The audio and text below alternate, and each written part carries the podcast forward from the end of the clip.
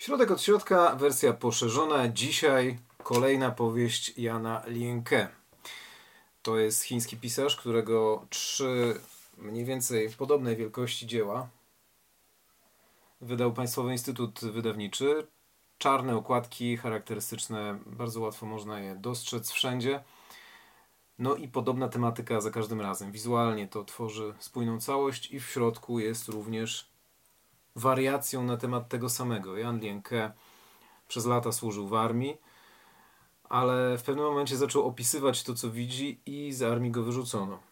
W Chinach nie można kupić jego książek, jest y, uznawany za literackiego dysydenta, ponieważ pisze nie wprost, ale o tym, jak było źle, niepoprawnie, tragicznie, strasznie, okrutnie i bez perspektyw.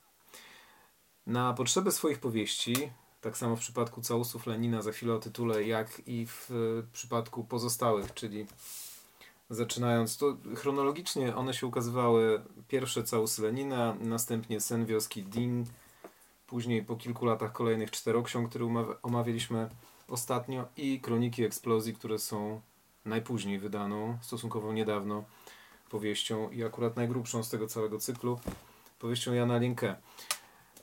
Mm, służył w armii, wyrzucono go. Na potrzeby swojego pisarstwa, jak pisze w różnych wstępach, które, którymi opatrywane są te książki wydawane przez PIW, stworzył coś, co najlepiej oddaje skomplikowaną chińską rzeczywistość. Nazwał to realizmem magicznym, ale we własnej wersji, czyli mitorealizmem realizm magiczny, tak jak e, Gabriel Garcia Marquez stworzył dla, na potrzeby własnych y, powieści. A Jan Lienke proponuje mitorealizm, ponieważ y, to jest najlepsza jego zdaniem wersja opisywania chińskiej rzeczywistości. I mamy pogranicze snu, przypowieści, czasem humoru, ale czarnego, y, okrucieństwa. Te sny mm, bardziej są koszmarami niż czymś przyjemnym ale zawsze dotykają rzeczy, które się działy. Przeprowadzanie trudnej historii Chin na próbach wielu bohaterów mniej więcej wygląda podobnie. To znaczy, wszyscy idą przez wzrost zainteresowania komunizmem, następnie wielki skok, wytapianie, wcześniej jeszcze zakładanie komun ludowych, pozbywanie się obszarników, rozrachunek z przeszłością, następnie wielki skok w postaci przetapiania wszystkiego, co pod ręką metalowe na byle jakiej jakości stal. Następnie wielki głód, to jedno się z drugim przeplata, rewolucję kulturalną i później teoretycznie wielkie oczyszczenie.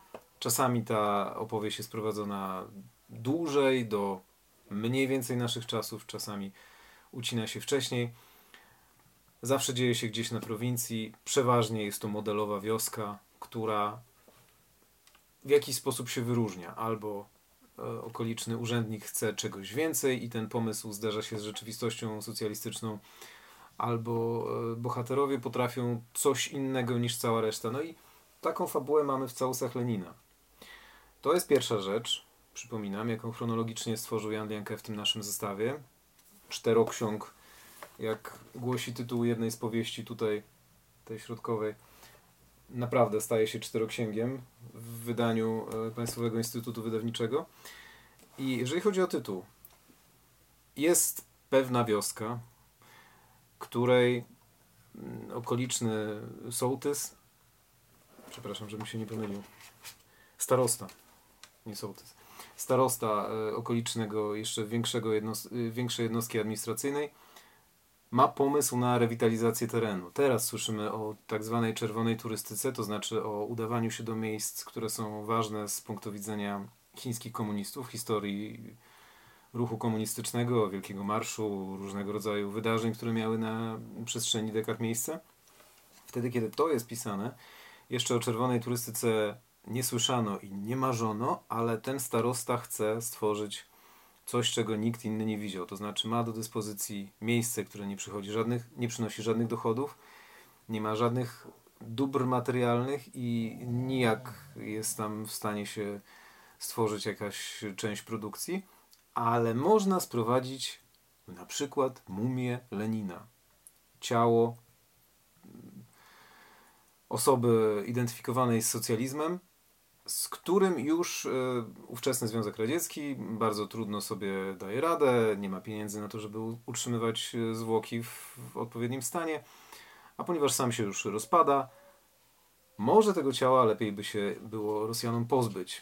Jest oto Chińczyk, starosta, który chce zebrać pieniądze, wykupić mumię, stworzyć mauzoleum u siebie na prowincji i robić tyle pieniędzy na tym, żeby wszyscy mieli nie dość, że dostatnie życie, dostatnie życie, to żeby on jeszcze mógł swoją karierę na tym zbudować. Taki jest pomysł. Całusy Lenina jednak nie pojawiają się w, w, w całym wątku przez 500 stron powieści ani razu.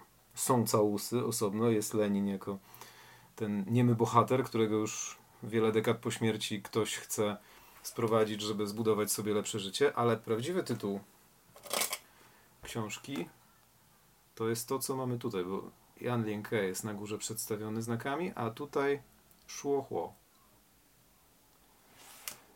Coś, co jest nazwą, chińską nazwą. Tutaj mam większą wersję. Shuohuo. Coś, co jest chińską nazwą wioski, Zhang, Shuohuo Zhang, tłumaczone po polsku przez e, panią Katarzynę Sarek, która zajęła się przełożeniem na polski wszystkich czterech dzieł Jana Linkę, wydanych niedawno, jako żywot. To jest dosłownie otrzymywanie życia. Ponieważ wiele, e, wiele jest przypisów w, w konstrukcji tej powieści i to wygląda dosłownie tak. Mamy jakiś rozdział przypadkowy. I tutaj występują w kwadratowych nawiasach cyferki. Następnie tłumaczone po końcu całego rozdziału jako przypisy. Niektóre rozdziały są też oparte na tych przypisach. Natomiast szybki rzut oka na spis treści pokazuje, że nie występują żadne liczby parzyste. 1, 3, 5, 7, 9 i tak dalej. I dotyczy to nie tylko rozdziałów, ale i ksiąg. Księga pierwsza, księga trzecia, księga piąta. Następnie księga siódma, dziewiąta, jedenasta, trzynasta i piętnasta na koniec. I cały czas rozdziały numerowane liczbami nieparzystymi.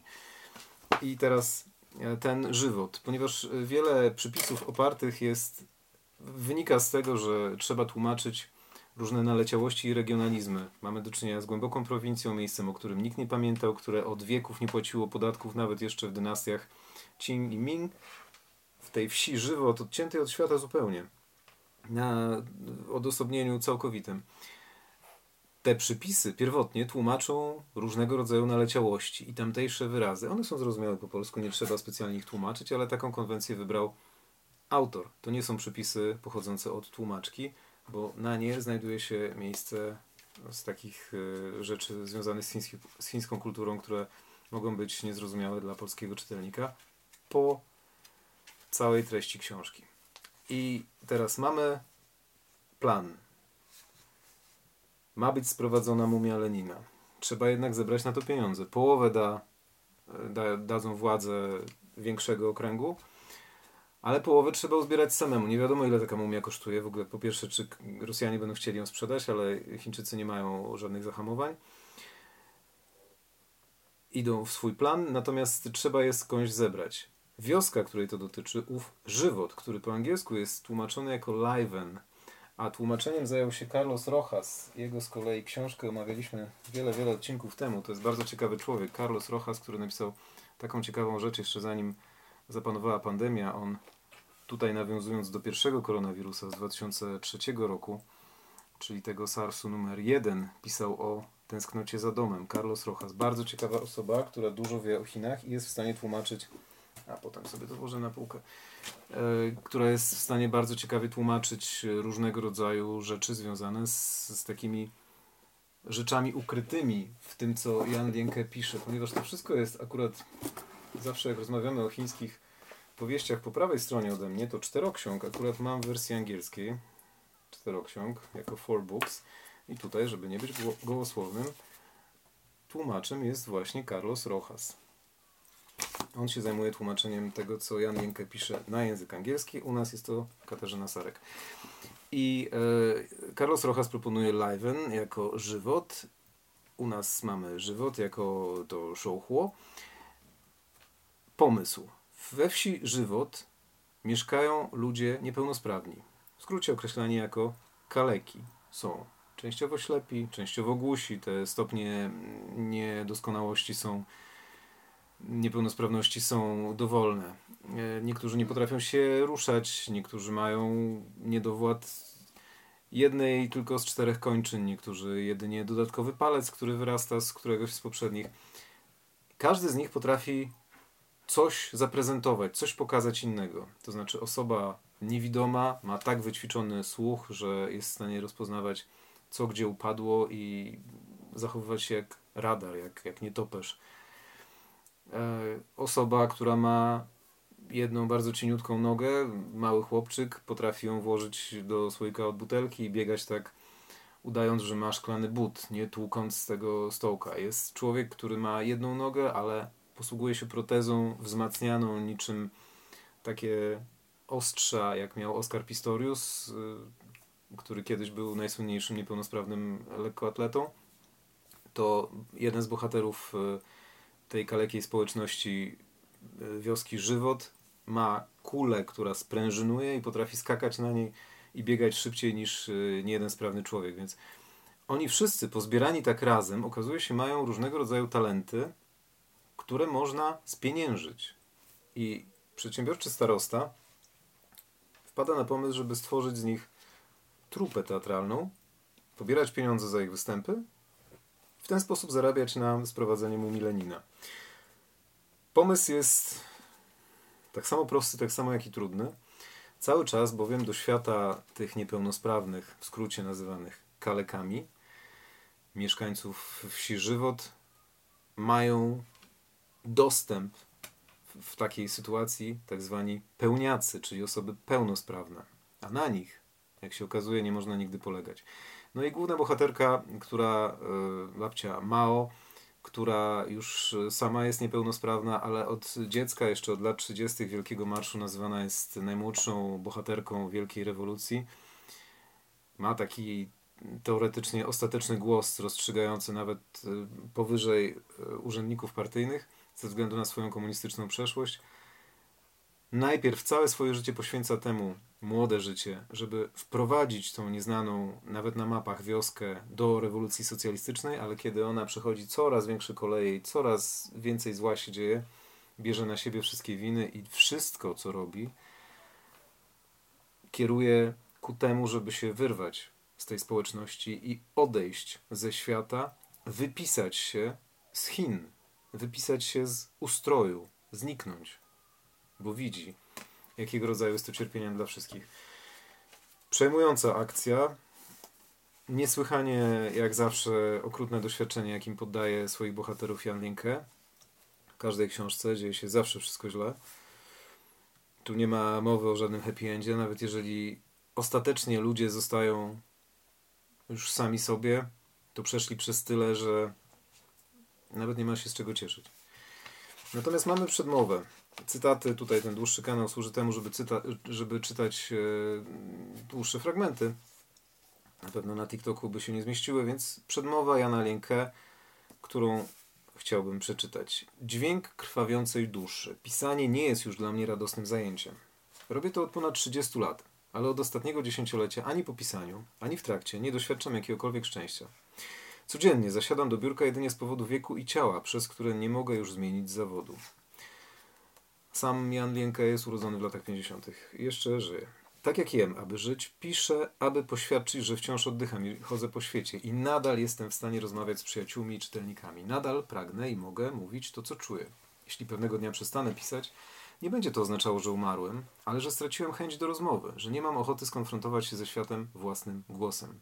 W obliczu rzeczywistości moja dusza krwawi. Na kawałku pola w mojej rodzinnej wsi, w żółtej ziemi, razem z moim dziadkiem i babcią, od 20 lat leży spokojnie również mój ojciec. Być może jego kości i spróchniała trumna połączyły się już z wodą i lescem. Gdy tylko pomyślę, że moja matka, która liczy już ponad 70 lat, wkroczyła w ostatni etap życia, przechodzi mnie lodowaty dreszcz, milknę na długo i czuję lekkość umykającego trwania. Moja siostra, brat, szwagierka, bratankowie i siostrzenice wiążą moje serce z tym kawałkiem ziemi. Mam nadzieję, że zdołają wieść życie odrobinę lżejsze niż ludzie wokół, ale moje pisanie nie pomaga im. Tak jak jeden promień słońca nie rozświetla mroku nocy. Ostatecznie i tak muszą polegać na sobie. To trudne życie w znoju jest jednak ich przeznaczeniem. Mieszkam z rodziną w chaotycznym i olbrzymim Pekinie. Codzienne problemy i uśmiechy mojej żony i syna sprawiają, że odczuwam wątłą więź z tym miejskim światem. Gdyby nie to, Pekin i mnie łączyłoby to samo, co pustynię z kroczącym po niej samotnym wielbłądem. Pewnej nocy, w 1989 roku, kiedy szedłem sam aleją Chang'an, to jest główna aleja w Pekinie, ona prowadzi, przecina e, plac Tiananmen, no i to na niej doszło, bo tak naprawdę nie na samym placu, ale to właśnie na Alei Chang'an, wielkiego spokoju, długiego spokoju, e, doszło do tej masakry studentów, która jest słynna z 4 czerwca 1989 roku. Pewnej nocy 1989 roku, kiedy szedłem sam aleją Chang'an, byłem tak chciwy Pekinu, jak wschodzące słońce ziemi. Teraz jednak, na widok monstrualnych, kolorowych i nowoczesnych pekińskich arterii i zaułków, odczuwam jedynie niejasną odrazę i panikę. Odkąd sięgam pamięcią, aż do około 40 lat, każda myśl o śmierci wzbudzała we mnie paniczny strach. Ale gdy osiągnąłem ten wiek, stopniowo zacząłem podchodzić spokojniej do odejścia. W sierpniu ubiegłego roku, kiedy w pełnym słońcu, a to jest 2004 rok, w pełnym słońcu szedłem po torach linii metra numer 13. Przepraszam, y, to jest napisane w 2007 roku, y, dodatek do książki Mój błąd. Ale sama książka pochodzi z 2004 roku. E, w sierpniu ubiegłego roku, kiedy w pełnym słońcu szedłem po torach linii metra numer 13, nagle, nagle przyszła mi do głowy myśl o położeniu się na nich i stałem tam naprawdę długo. Zszedłem dopiero, kiedy za moimi plecami zadudnił pociąg i stalowy huk wypełnił mi głowę. W zeszłym roku, razem z przyjacielem, wspiąłem się na wonne góry i na urwisku myślałem nad skokiem, równocześnie doceniając wyjątkowe piękno krajobrazu. Kilka dni temu, w trakcie pisania o pewnym bohaterze bez swojego miejsca na ziemi, odszedłem od biurka i zobaczyłem przez okno wypadek samochodowy. Poczułem się, poczułem, że moja postać z powieści nie jest bezdomna, ale zagubiła się i straciła jakikolwiek apetyt na życie, czy choćby egzystencję. I nie zainteresowałby jej nawet wypadek kogoś wracającego do domu. Oczywiście te przelatujące przez głowę myśli raczej nie poprowadzą mnie do wyboru innej drogi. Wiem, że będę dalej spokojnie żyć dla mojego syna i dla owych siostrzenic i bratanków w rodzinnych stronach – aby nadal mieli kogo nazywać wujem. Jednak zniknął we mnie strach przed śmiercią i za każdym razem, kiedy o niej myślę, czuję spokój i podnosi mnie to na duchu. Nie wiem, czy to dobrze, czy to źle. Tęsknię za czasami, kiedy zmagając się z rzeczywistością, tak bardzo chciałem na nią napluć, albo wymierzyć jej solidnego kopniaka. Teraz zaś stała się tak brudna i zagmatwana, że nawet gdyby obnażyła swoje krocze przed tłumem ludzi, byłbym chyba zbyt leniwy, żeby na nią popatrzeć i cokolwiek powiedzieć. Dawniej widziałem wszędzie miłość i dobro. W jednym zielonym listku potrafiłem dostrzec rozbuchaną wiosnę. Teraz, teraz zaś, nawet widząc ją w pełnym rozkwicie, podejrzewam jakieś oszustwo zimy, jej zwodnicze przebranie.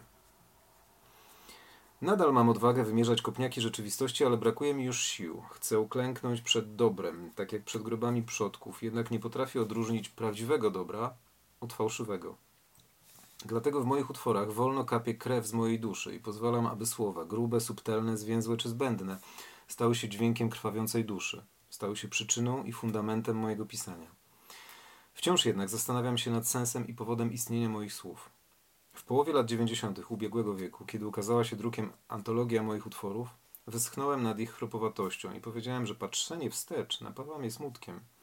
Teraz, 10 lat później, kiedy wychodzi kolejny zbiór, nie czuję smutku z powodu moich utworów, ale bezsilność, że mierzę się ze światem jedynie za pomocą mojego pisarstwa. Moje pisarstwo sprzed dziesięciu lat było toporne i powtarzalne, ale pełne uczuć i szczere. Po kilkunastu latach pisania, gdy spotykam się z krytyką czytelników i splunięcia fruwają w powietrzu, już się nie wstydzę ani nie oskarżam, ponieważ wiem i mocno wierzę, że moje powieści są w rzeczywistości bulgotaniem krwi mojej duszy. Muszę wyznać i przestrzec. Kiedy wyschnie ta krew, sięgnę po szpik z mojego rozkładającego się ciała i użyję go jako ostatnich kropli atramentu. Dopiero kiedy stracę siłę i głos, z mojej ręki wypadnie pióro i ostatecznie zamilknę. I tutaj zaczyna się rozdział pierwszy, księga pierwsza. Jan Dienke jest bardzo ciekawą osobą, która podaje nam za każdym razem taką lupę, lupę, która w dowolny sposób skupia się na szczególe, ogóle, obojętnie. Przepuszcza przez siebie chińską rzeczywistość. Każda jego książka jest warta uwagi. Wydawnictwo robi świetną robotę tłumacząc to na polski, bo to jest prawdziwa podróż w świat nieznany, w świat trudny i bardzo potrzebny do tego, żeby zrozumieć więcej z obecnego zarysu różnych doniesień, nie tylko w mediach. Warto to czytać, po prostu, żeby wiedzieć więcej. Nie sposób wybrać książkę najlepszą z tych czterech. Nie ma to zresztą sensu. Jeżeli przeczytać, to wszystkie. Jan Linke i dzisiejszy bohater Całusy jako dzisiejszy bohater i Całusy Lenina jako książka o przedziwnej wiosce o nazwie. Równie przedziwnej, bo żywot. Dziękuję za uwagę.